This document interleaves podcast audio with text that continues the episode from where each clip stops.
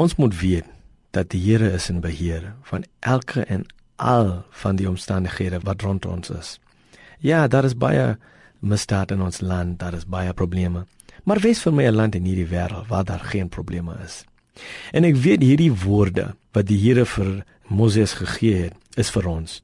Deuteronomium 31 vers 6 en vers 8 sê: Die Here sê: Wees sterk en hou moed.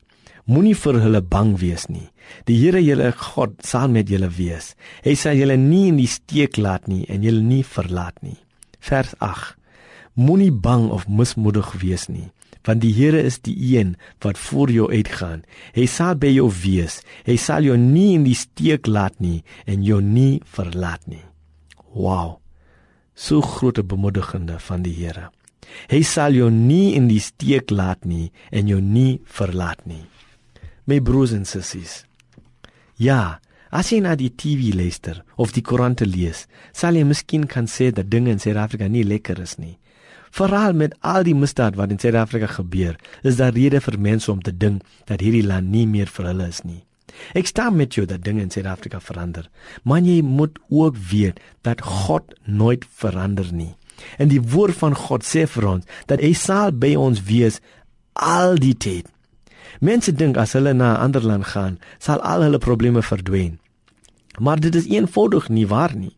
Wees vir my 'n land in hierdie wêreld waar daar geen probleme is nie. Ek het vir 11 jaar in Nieu-Seeland gewoon en ek was ook in Australië en Engeland waar ek gesien het hoe Suid-Afrikaners daar woon. Die meeste van die mense wat ek in hierdie lande ontmoet het, praat van die goeie ou dae wat hulle in die verlede in Suid-Afrika gehad het. Nou in hulle nuwe land moet hulle harder werk en miskien is die salaris wat hulle kry meer as nie meer as, as wat hulle in Suid-Afrika gekry het nie. In die meeste van die stede betaal jy meer vir huur en kos is ook duurder as wat dit in Suid-Afrika was. Dit is die waarheid in die meeste gevalle. Ons was daar, so ons weet. Daar is egter ook baie Suid-Afrikaners wat voor 2008 na die buiteland gegaan het toe die ekonomie nie so swak was nie en hulle lewe baie goed in hierdie land. My advies is dan die gras is nie groen aan die ander kant altyd nie. Moenie vergeet die woord van God en wat vir God vir ons gesê het en ek sal dit weer lees. Deuteronomium 31 vers 8. Moenie bang of mismoedig wees nie, want die Here is die een wat voor jou uitgaan. Hy sal by jou wees. Hy sal jou nie in die steek laat nie en jou nie verlaat nie.